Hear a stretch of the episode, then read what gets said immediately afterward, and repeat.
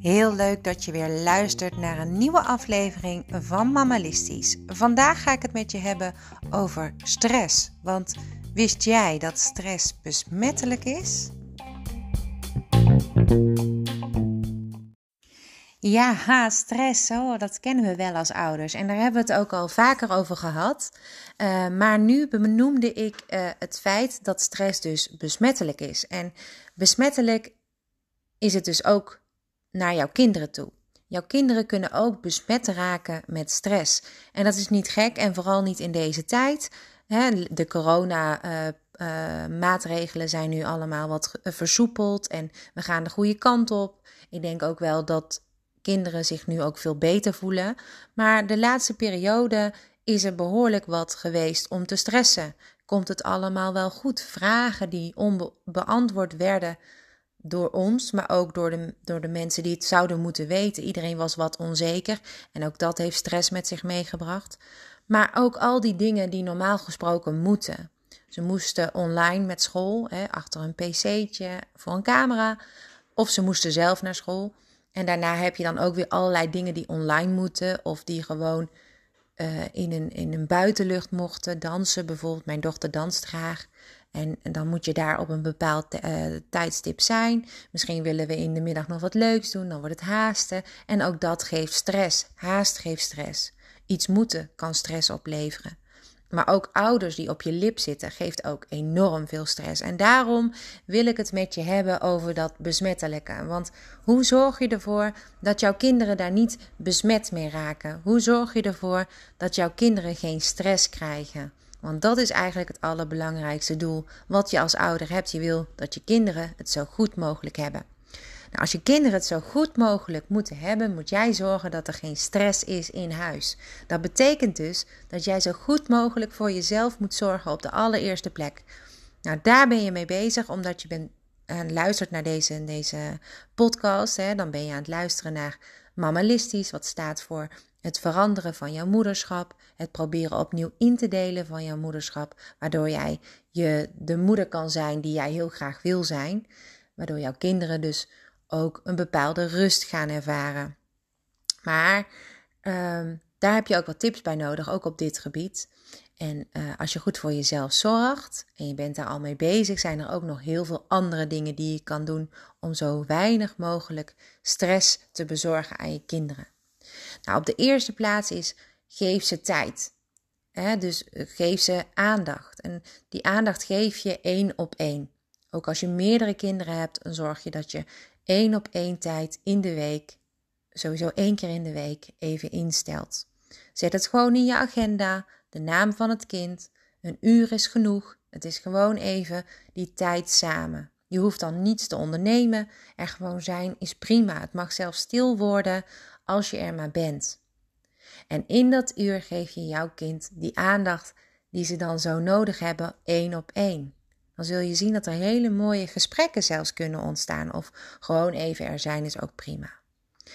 Daarnaast is het heel belangrijk om je kind vaak uh, een eye over de bol te geven. Even vast te pakken en te knuffelen. Want dat geeft ze een veilig gevoel. Ik kan me zo voorstellen dat ouders heel druk zijn. En dat je eventjes een kus geeft van hallo. Maar er zijn zelfs ouders die dat vergeten. En niet omdat ze het niet willen. Of omdat ze uh, daar geen behoefte aan hebben of wat dan ook. Dat gaat dan zo op een dag. Dan denk je in één keer, oh, ik, ik moet jou nog een knuffel geven of ik moet je nog een kus geven. Maak er echt een gewoonte van en, en doe dat heel bewust. Want een aanraking, dat geeft een bepaald rusthormoon bij je kind. En dat hormoontje hebben ze heel hard nodig. Dus ja, geef dat ook zeker aan ze mee. De derde tip die ik voor je heb is om routines in je dag in je gezinsleven duidelijk te maken. Kinderen die hebben daar heel veel aan. Het geeft ze een veilig gevoel en het geeft ze ook heel veel rust. En het kan op een gegeven moment zo zijn dat als je kinderen puber worden, dat ze graag die, uh, met die routines gaan breken. Maar voor het zover is, hou je daaraan vast. Ook al sputteren ze tegen, die routines zijn heel belangrijk. En als ze wat ouder worden, dan gaan ze daar tegen in.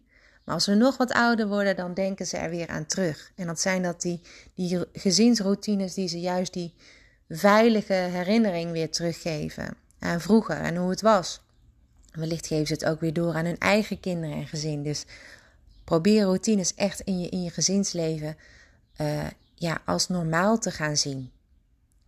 Dan heb ik nog een tip over uh, grenzen stellen. Want grenzen stellen, dat hebben kinderen ook heel hard nodig. Kinderen weten niet van tevoren hoe lang ze uh, tv mogen kijken. Uh, hoeveel ze op hun mobiel mogen zitten, hoeveel spullen ze zo nodig hebben. Daar hebben ze allemaal jou voor nodig.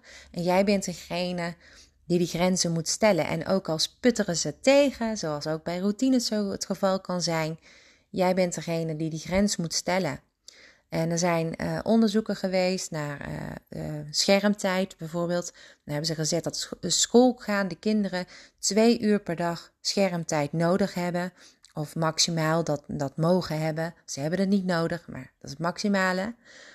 Hou je daar een beetje aan vast. Pak het als een richtlijn op. Ik zet bijvoorbeeld geen wekkertjes of zo, want dat, dat heb ik ooit wel een keer geprobeerd, maar dat werkt helemaal niet. Probeer dat gewoon een beetje zo in te schatten. Twee uur. En zijn ze er overheen en je vindt het prima dat het nog heel even zo is, prima. Maar probeer toch dan te stimuleren dat ze wat anders gaan doen. En dan kan het ook zomaar zijn dat kinderen zeggen dat ze zich vervelen. En dat is weer een volgend punt. Want sta verveling in je gezinsleven onder je kinderen ook toe. Ook dat werkt gewoon stressverlagend. Want als kinderen zich gaan vervelen en niet weten wat ze moeten doen, dan is dat het moment waarop ze even niets moeten. Helemaal niks.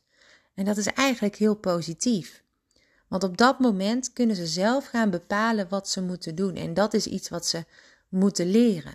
Kinderen worden graag bezig gehouden en die zijn onuitputbaar qua uh, input wat je erin stopt. En, maar dat kan natuurlijk ook de andere kant op uh, slaan, waardoor ze te veel moeten doen en ze juist die stress gaan ervaren. Maar als ze op het moment aankomen dat ze zich vervelen, dan is dat heel erg positief. Want dan wordt de creativiteit bij hun wakker. Dan mogen ze zelf gaan verzinnen wat ze gaan doen. En die creativiteit, die is heel belangrijk voor later ook. En laat ze dat vooral ontwikkelen. Laat ze maar even gaan. Als iemand zegt ik verveel me, ja dat is dan even zo, dan moet je iets verzinnen om te gaan doen. En dat moeten ze zelf leren en dan moeten ze zelf doen. En wij ouders zijn vaak geneigd om dan te zeggen: Oh, je kunt wel even dit doen. Of oké, dan mag je wel even een filmpje kijken. Maar probeer dat dan los te laten en te zeggen dat dat gewoon niet kan. Want de schermtijd is op en dat is klaar. En zo gaan we het niet doen. En ik ben nou hiermee bezig. Het is nu de bedoeling dat jij zelf even verzint wat je gaat doen. Verveling is positief juist. Nou, dat zijn de dingetjes die ik jou graag wil meegeven.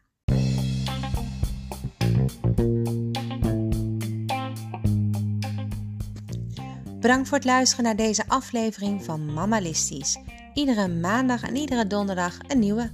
Tot de volgende!